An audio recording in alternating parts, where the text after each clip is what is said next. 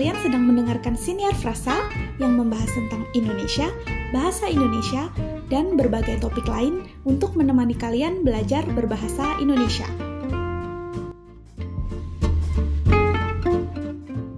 Halo teman Frasa, kembali lagi di Siniar Frasa Bahasa Indonesia bersama aku Yohanes. Dan aku Trias. Apa kabar Trias? Baik, pagi tadi aku mendapatkan dosis vaksin yang kedua. Oh ya, sudah dua minggu ya sejak uh, terakhir kali kamu cerita. Jadi sekarang iya, kamu sudah, ya. iya, sudah mendapatkan vaksin. Selamat. Tapi bukan berarti Iya. kamu itu ya, bukan berarti kamu bisa kemudian melepas masker dan tidak menjaga jarak ya. Iya, tentu tetap harus menjalankan protokol kesehatan. Ya, aku sekarang sudah memiliki sertifikat vaksinasi. Semoga kamu juga segera bisa mendapatkan vaksin ya. Ya, semoga. Oh iya, minggu ini ada berita apa nih?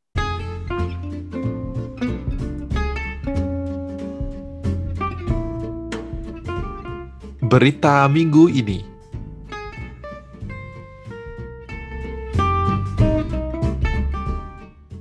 Ya, aku akan membagikan satu berita yang cukup hangat atau mungkin boleh dibilang panas di Indonesia beberapa hari yang lalu tentang kompetisi bulu tangkis internasional di Inggris All England 2021 yang ya kompetisi tahunan ya yang setiap tahun selalu diadakan. Nah, tahun ini tentu saja seperti biasa tim Indonesia mengirim kontingennya ke Inggris untuk mengikuti kompetisi ini. Tapi tentu saja karena adanya pandemi, segala sesuatu jadi lebih sulit ya. Semua orang harus divaksin, kemudian tentu ada protokol kesehatan, ada tes, dan lain sebagainya. Nah, saat tim Indonesia sampai di Inggris, ternyata ada satu orang di dalam pesawat yang mengangkut tim, ternyata ada satu orang yang di uh, tes positif virus corona sehingga akhirnya sebenarnya tidak hanya tim dari Indonesia tapi juga ada tim dari beberapa negara lain yang hasil tesnya entah positif atau tidak jelas, tidak dapat dipastikan secara tepat.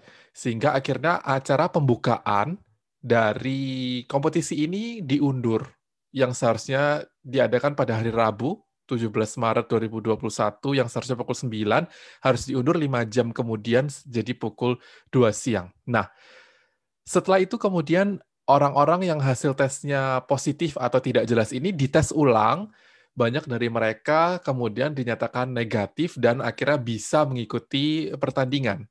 Berbeda dengan nasib para pemain Indonesia yang justru menurut ceritanya sudah dites hasil negatif, tapi seluruh tim Indonesia dipaksa untuk mengundurkan diri. Nah, bagi teman frasa yang mengenal Indonesia, mungkin tahu juga ya, um, warga net Indonesia ini uh, cukup buas.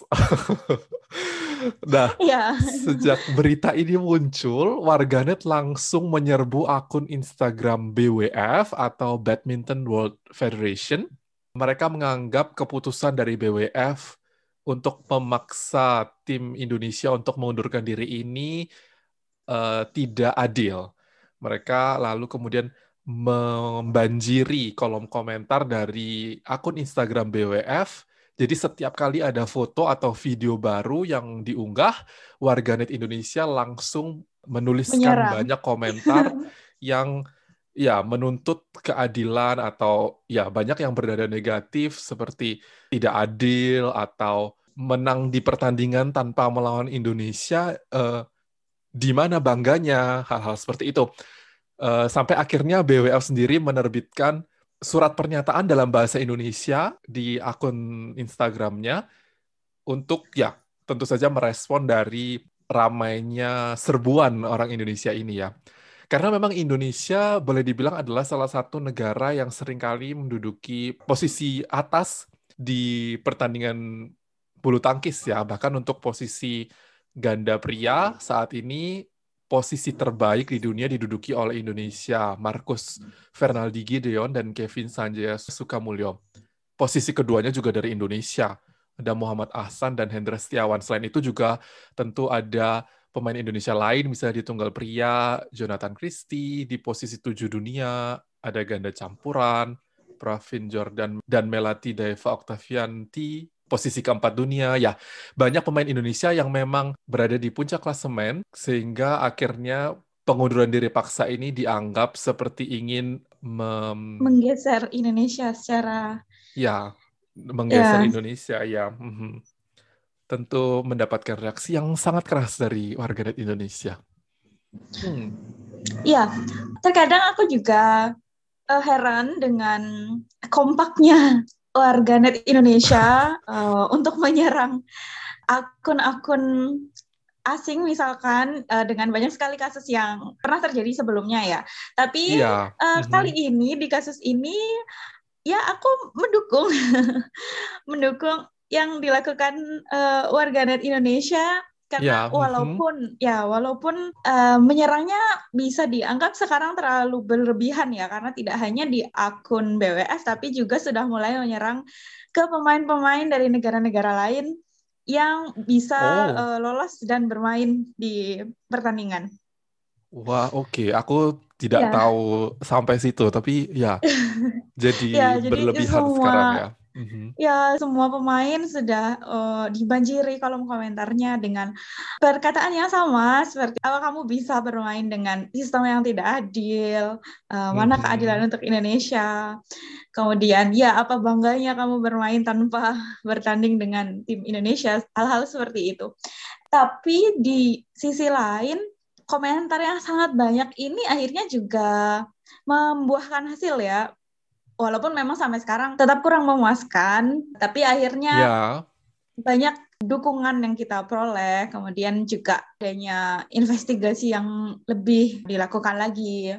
Ada itu juga ya uh, komunikasi diplomatik antara Indonesia dan Inggris dari masing-masing duta besar, duta besar Inggris di Indonesia maupun duta besar Indonesia di Inggris, ya menghubungi negara masing-masing ya Ya, walaupun tetap saja ada pernyataan yang kontradiktif dari uh, pernyataan dari masing-masing duta besar yang sudah dirilis. Kalau kamu baca, ada hal yang sekarang sedang disoroti adalah pernyataan uh, dari kedutaan Inggris bahwa yang menentukan bahwa Indonesia didiskualifikasi oleh lembaganya penyelenggara. Kemudian menurut kedutaan Indonesia faktanya tidak seperti itu. Jadi ada hal yang masih belum ditemukan uh, kebenarannya. Okay. Ya, tidak hanya mengecewakan pemain ya yang tentunya sudah berlatih dari lama, kemudian sangat menanti-nantikan uh, pertandingan ini, tapi juga kita sebagai uh, warga Indonesia yang ya sangat bangga dengan uh, prestasi atlet-atlet badminton kita selama ini. Iya, benar sekali. Ya, Mari kita tunggu saja bagaimana keputusan dari BWF mengenai kasus ini. Tentu seluruh warga Indonesia akan mengikuti dengan penuh semangat ya. Iya. Nah, untuk yang unggahan tadi kamu bilang itu sangat menarik sih. Nanti aku coba lihat dan baca. Karena aku juga tidak tahu perkembangan terakhirnya. Ah iya, jadi sekarang itu kolom komentarnya dinonaktifkan oleh BWF karena oh, kalau tidak ya? tentu akan ya tentu akan sangat banyak komentar negatif dari orang Indonesia. Iya, notifikasinya membeludak. Iya. Oke, okay, tapi kita tidak akan membahas uh, lebih panjang lagi ya mengenai berita ini di episode ya. kali ini. Kita akan membahas apa yo? Setelah minggu lalu kita membahas topik yang menurutku cukup berat atau mungkin sangat berat, kali ini kita akan membahas hal yang jauh lebih ringan ya, lebih sehari-hari, yaitu tentang hewan peliharaan. Ya, topik yang sangat menarik. Ya, tentunya mungkin dibandingkan topik kita sebelumnya, uh, ini jauh lebih ringan dan diksi atau kata-kata yang kami gunakan akan jauh lebih sederhana. Semoga teman frasa dapat memahami dari awal hingga akhir. Ya, semoga ya. Oke, langsung saja kita mulai. Topiknya adalah tentang hewan peliharaan. Tentu pertanyaan pertamaku buat kamu adalah, kamu sekarang apakah memiliki hewan peliharaan? Atau mungkin uh, bukan sekarang tapi sebelumnya, apakah kamu pernah mempunyai hewan peliharaan? Kalau aku dari kecil sebenarnya belum pernah memiliki hewan peliharaan sendiri. Tapi okay. ayahku mempunyai bermacam-macam uh, burung. Iya. Iya, yang dibeli mulai dari mereka kecil sampai akhirnya bisa uh, bernyanyi. Wow. uh, lalu aku ingat ketika aku SD, ayahku membuat akuarium yang sangat besar. Jadi besarnya dua kali lipat dari televisi yang waktu itu kami punya. Jadi, okay, wow. Iya, dengan beragam ikan uh, dari ya dari ikan kecil-kecil sama ikan yang ikan hias yang sangat besar dan yang waktu itu uh, sangat mahal ya, seperti ikan arwana, ikan lohan, ya jadi uh, mengikuti tren ikan wow, apa yang okay. waktu itu sedang banyak dibicarakan dan juga mahal diperjualbelikan. Ya, jadi bukan aku sendiri tapi ayahku. Uh, tapi ya uh, hewan peliharaannya bukan hewan seperti kucing, anjing seperti itu, tapi ikan sama burung. Jadi ya hanya mereka di tempatnya, burung di sangkar dan ikan di akuarium gitu. Bukan hewan peliharaan yang bisa kita ajak bermain itu. Oke, wow. Ya, kalau kamu kecil, gimana? Ya, jadi kamu sejak kecil memang sudah itu ya terbiasa hidup dengan uh, di sekitar hewan-hewan ya. Sebenarnya orang tua kita berarti punya apa ya hobi yang mirip lah. Papaku juga suka dengan hewan, jadi dari kecil aku punya ya bukan aku berarti ya. Orang tua aku memelihara anjing ada lima ekor. Aku ingat sekali. Wow. Ada lima ekor anjing. Ya aku selalu mengurutkannya. Yang pertama yang hitam namanya Bobby. Yang kedua yang putih namanya Gimblu lalu tiga yang lainnya aku sudah tidak ingat namanya. Uh, ya jadi ada lima ekor anjing. Itu yang ada. Lalu dulu kalau sepertinya kamu tidak tahu sih, dulu di rumahku itu toko ikan hias. Jadi ada belasan atau mungkin puluhan akuarium yang berisi ikan hias mulai dari ikan badut ya yang seperti ikan Nemo, lalu ya apa saja ikan koi, berbagai macam jenis ikan, ada ikan yang suka menempel di kaca, yang suka membersihkan oh, iya, uh, kaca, kaca. akuarium, ya itu juga ada. Sampai ikan ikan uh, ya, papaku juga punya kolam besar yang isinya adalah seperti ikan hiu kecil juga sempat ada. Lalu wow. ya, tidak berhenti di situ, ada juga beberapa ekor monyet sampai ada oh, ya? monyet yang cukup besar ya. Aku kurang tahu spesiesnya apakah itu juga termasuk monyet, tapi tidak seperti monyet-monyet yang biasa kita dijumpai di Ubud. Ya, yang yang seperti itu juga ada sekitar tiga ekor, tapi ada juga yang lebih besar yang ya mungkin setinggi ya pinggul manusia gitu. Cukup cukup besar.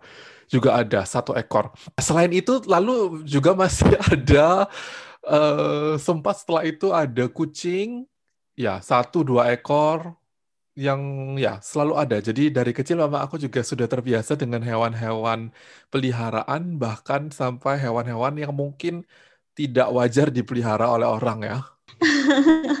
aku jadi membayangkan rumahmu sangat besar uh, dengan halaman yang sangat luas. Uh, penuh dengan hewan-hewan. Ya, jadi waktu itu sebenarnya ada uh, tempat lain, terutama untuk ikan yang ikan hiu itu ya. Jadi papaku punya tempat lain yang untuk khusus untuk ikan-ikan besar seperti itu. Ya. Oke, terus kamu suka membantu untuk mengurus ikan-ikan misalkan atau hewan-hewan ah, yang lain? Tidak, saya tidak karena ikan-ikannya akhirnya ya aku tidak tahu apa nasib dari ikan-ikan itu akhirnya, tapi yang pasti uh, toko kami berubah, tidak lagi menjual ikan hias. Waktu aku masih SD, jadi aku tidak sempat mengurus uh, ikan-ikan atau mengurus hewan-hewan lain. Ya, banyak hewan akhirnya hilang setelah aku. Uh, Kamu pulang sekolah. banyak hewan yang hilang setelah aku berusia mungkin sekitar 10 tahun gitu sudah tidak ada lagi. Jadi uh, ya ah, sayang sekali. Aku jadi terpikir jangan-jangan ayahku suka beli ikan di tempatmu. Ah iya mungkin. Kalau aku tidak punya pengalaman yang aku sendiri benar-benar memelihara hewan sih. Uh, terus aku juga punya tetangga yang sangat mencintai kucing. Mm -hmm jadi tidak yang dipelihara misalkan di dalam rumahnya kemudian ada kandang seperti itu tidak. Tapi dia rutin memberikan makanan kucing di depan rumahnya. Jadi ya banyak sekali kucing uh, liar yang berkeliaran di kampung kami berkumpul di waktu tertentu untuk makan bersama. Wah tentu menyenangkan sekali ya. Jadi mungkin setiap sore ada banyak kucing yang lewat untuk makan, tapi kemudian tetap dibiarkan liar ya. Iya, eh, itu hanya rumahnya berjarak satu rumah dari rumahku. Jadi kucingnya uh, sampai ke depan-depan rumahku juga karena ya memang saking banyaknya. Oke. Okay. Terus aku suka melihat ini yo video-video lucu kucing atau anjing gitu kan di uh. YouTube atau di Instagram itu uh, salah satu cara untuk mengurangi stres ya.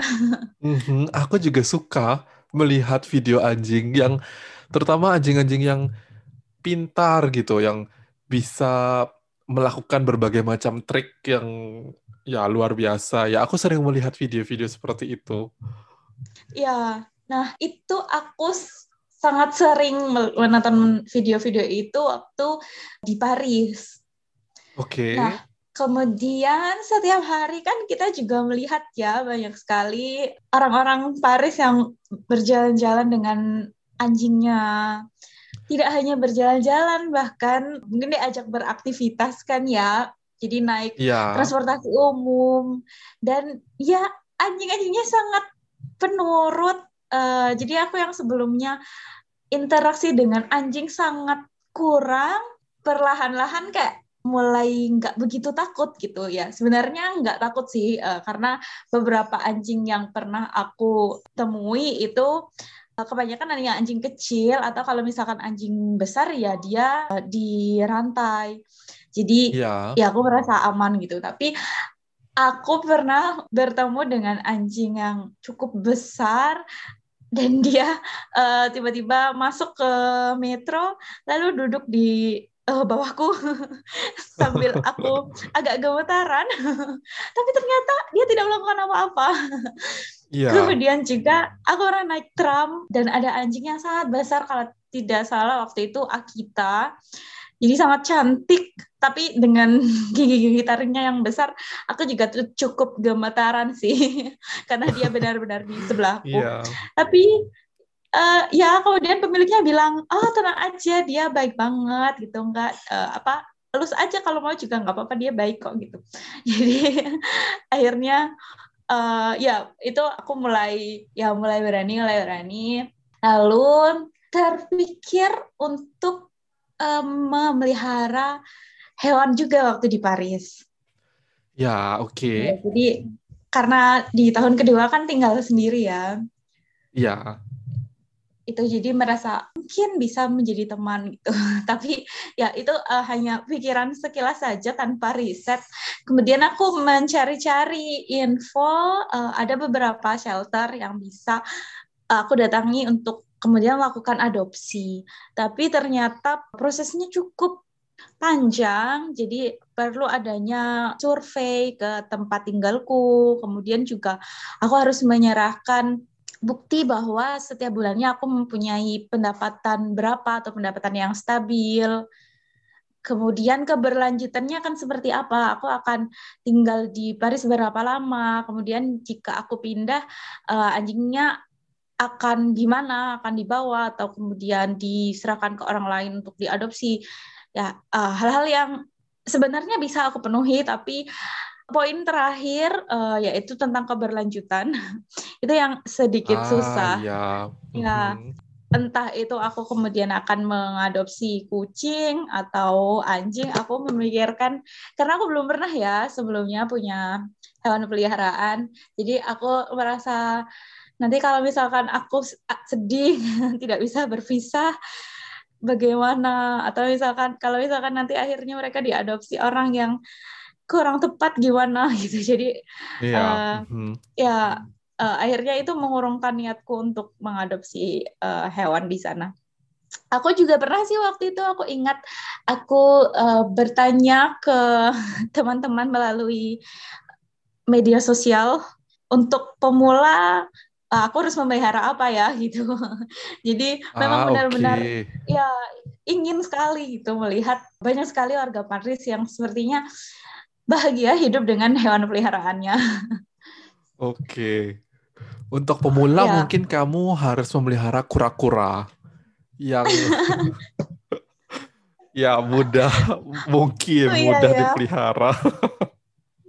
oh iya iya benar-benar. Sebenarnya ceritamu mirip sekali dengan ceritaku sih. Waktu di Paris aku juga sempat mencari tahu tentang proses mengadopsi anjing karena aku juga ingin sekali ya memiliki anjing. Sama seperti ceritamu karena melihat banyak orang yang punya anjing yang bisa dibawa untuk lari gitu. Aku merasa dengan punya anjing aku jadi terpaksa untuk keluar dan jadi terpaksa untuk uh, olahraga. Berolahraga. Iya. Tapi terus sama, aku melihat ternyata cukup rumit ya.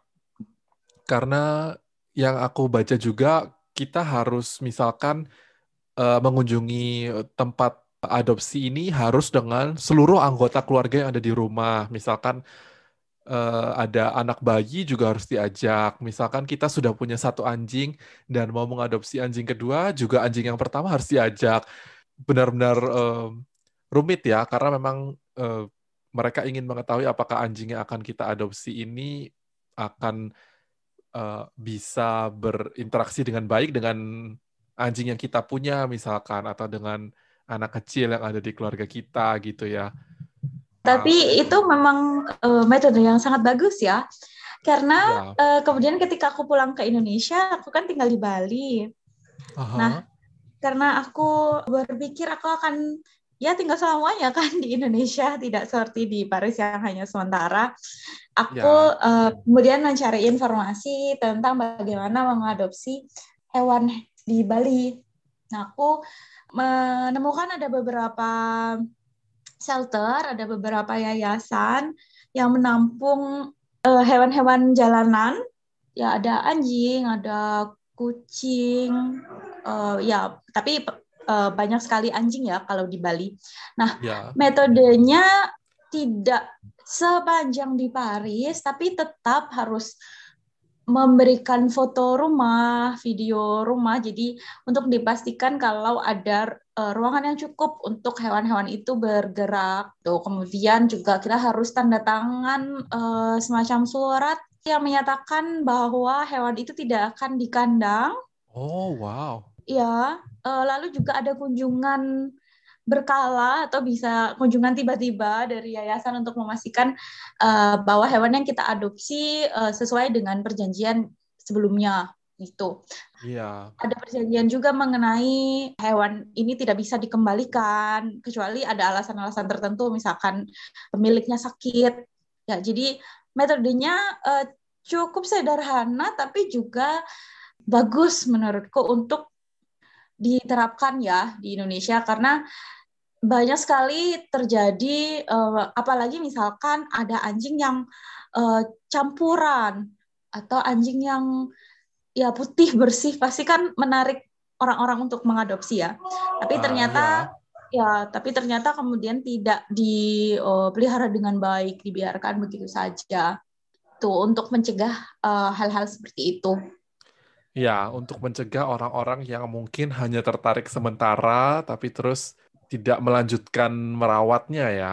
Mhm. Iya, karena banyak sekali orang-orang yang mengambil hewan-hewan yang masih bayi, yang masih lucu-lucu, apalagi anjing ya. Ya. Uh, kecil, ya lucu, tapi begitu agak dewasa sedikit, ya Mungkin sudah tidak bosan. di Iya, dan juga tidak komitmen. Ada waktu itu aku ada tetangga kos yang memiliki anjing, tapi tidak pernah keluar dari kamarnya.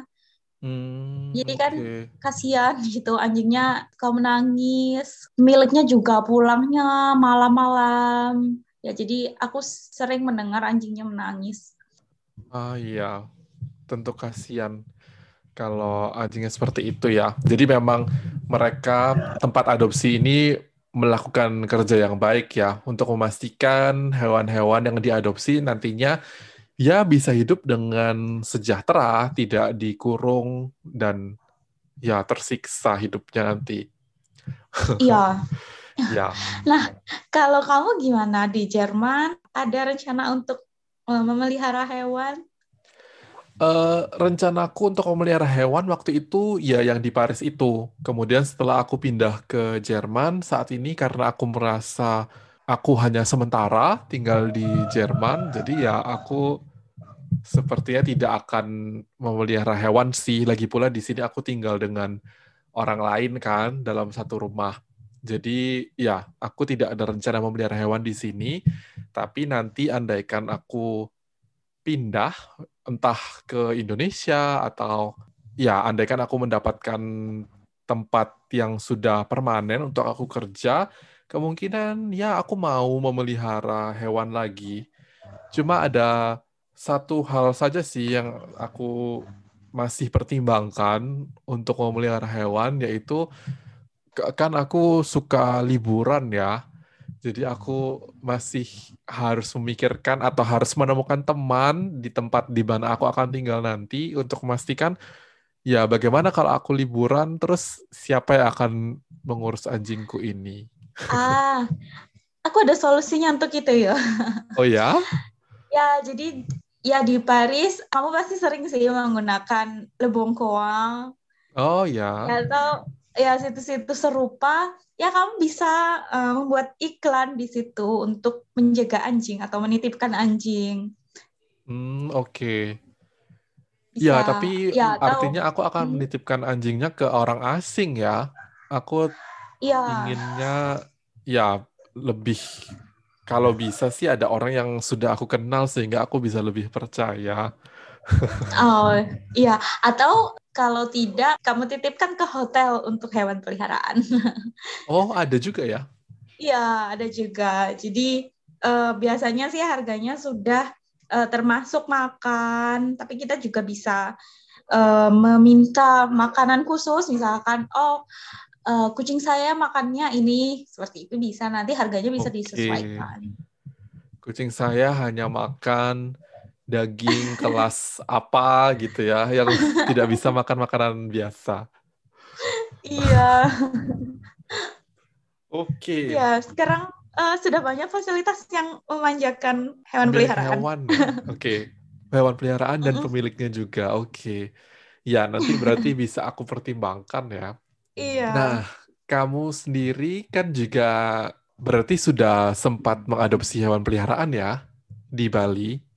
Iya, tapi sebenarnya tidak bisa dibilang uh, sepenuhnya mengadopsi ah. dan memelihara sih ya bersama teman. Tapi ya aku rasa kontribusiku tidak sebanyak uh, temanku ini uh, dan juga sekarang hewannya bersama temanku. Oke. Nah, tapi dari pengalaman itu sebenarnya menurutmu apa sih kelebihan dan kekurangan memiliki hewan peliharaan? Ah, kelebihannya. Uh, hal yang sebenarnya tidak aku sadari ya, karena ya awalnya aku uh, mengira akan sederhana saja, misalkan ya membersihkan, misalkan dia pipis atau uh, buang air ya. uh, sembarangan waktu masih belum tahu di mana tempat yang seharusnya. Ya, uh, aku awalnya menganggap itu hal yang sepele, ternyata itu hal yang membutuhkan komitmen dan disiplin uh, untuk ya untuk membersihkan, membutuhkan kesabaran juga, kemudian butuh kedisiplinan untuk melatih hewan peliharaan kita ya untuk di sini tempat yang benar untuk kamu buang air. Jadi manfaat yang pertama adalah melatih kedisiplinan dan okay. kesabaran. Melatih disiplin untuk kamu juga ya, bukan hanya untuk iya. hewan peliharaannya. Iya benar. Oh, Oke. Okay. Ya, uh, terus juga ya kedisiplinannya tidak hanya dalam hal itu, tapi juga uh, itu tadi yang kamu bilang. Akhirnya kita terpaksa uh, keluar jalan-jalan setiap hari. mm-hmm, ya. Ya karena tidak tega kan kita memisahkan membiarkan uh, hewan peliharaan kita tidak beraktivitas banyak. Iya benar. Itu. Terus hal yang menyenangkan juga uh, ketika kita pulang dari kerja atau ya keluar rumah kemudian ada yang menyambut. Iya, terutama anjing ya. Yang menyambut lari-lari, iya dengan heboh gitu seperti kita membawa hadiah. Padahal ya tidak kita saja pulang. Itu hal yang menyenangkan ya sangat membantu mengurangi stres dan rasa capek ketika pulang kerja. Aku jadi ingin ya makin ingin memelihara hewan peliharaan karena ya ingin ada yang menyambut ketika pulang. Lalu apa lagi ya? Banyak sih, walaupun memang kita uh, jadi ada pengeluaran lebih ya misalkan ya.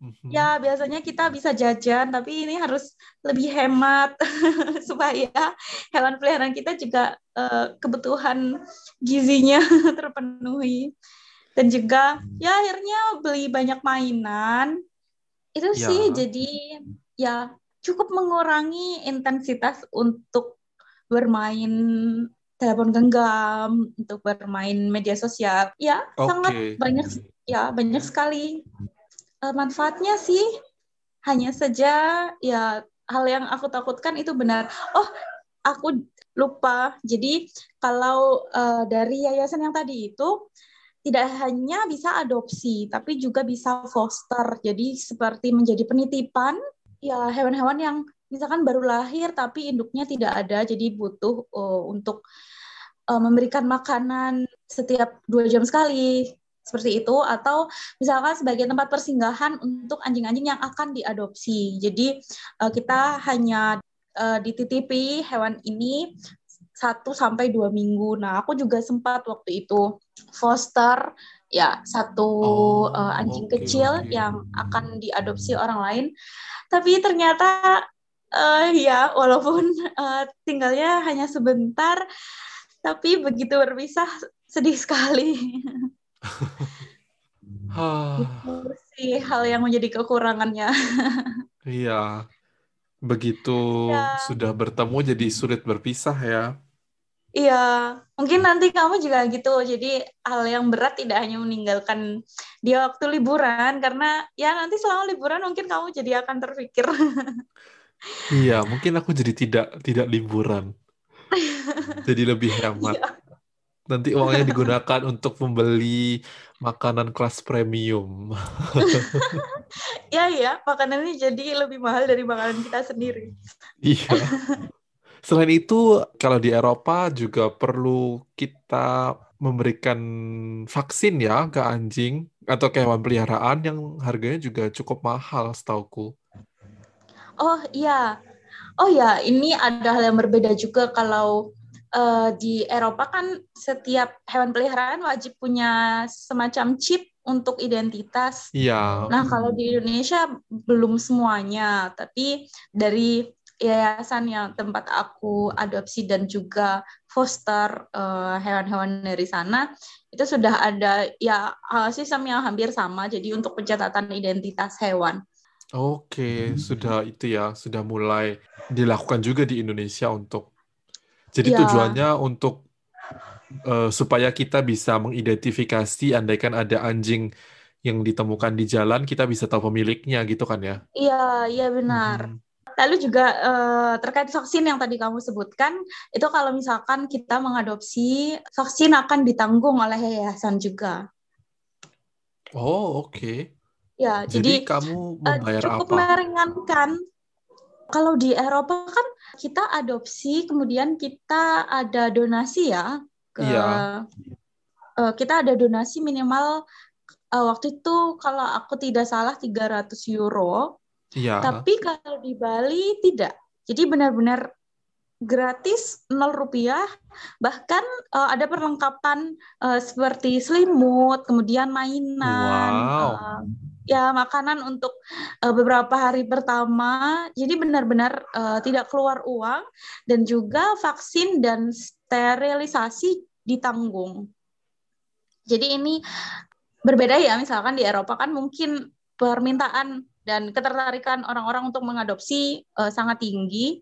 Jadi uh, untuk membayar pun uh, mereka bersedia dan sanggup. Iya. Uh, sementara di Indonesia program-program seperti pemberian vaksin gratis ini uh, supaya memotivasi orang-orang supaya apa ya memancing orang-orang untuk makin uh, memilih adopsi daripada membeli hewan Hmm, peliharaan. Oke, oke. Iya, bagus juga ya berarti ya program yang diinisiasi oleh organisasi ini. Semoga orang Indonesia juga bisa makin sadar tentang kesehatan fisik dan mental dari hewan peliharaan sehingga tidak banyak eh, yang menelantarkan hewan peliharaannya ya, yang hanya sekian bulan dipelihara kemudian ditinggal begitu saja. Ya, ketika sudah tidak lucu, kasihan. Iya, mhm. Ya, nah semoga kamu juga segera mendapatkan kesempatan untuk ki anjing atau hewan Ah, peliharaan ya, lain. semoga. Nah, kalau teman frasa, apakah teman frasa memiliki hewan peliharaan atau pernah memiliki hewan peliharaan? Teman frasa bisa menceritakan keseruan, manfaat, atau apa saja sih hal-hal yang merepotkan ketika memiliki hewan peliharaan. Silakan mengirimkan pesan suara di anchor kami atau bisa juga melalui surel kami di kontakfrasa@gmail.com.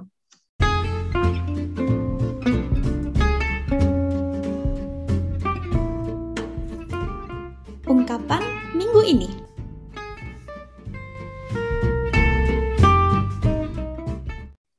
Ungkapan minggu ini adalah malu-malu kucing. Malu-malu kucing artinya berpura-pura malu.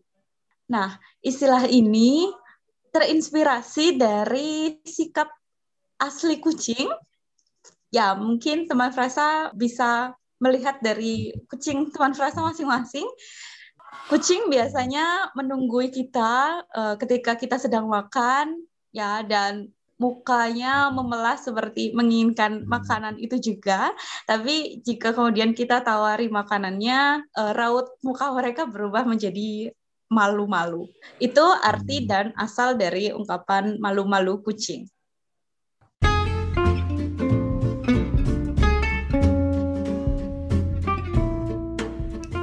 Rekomendasi minggu ini.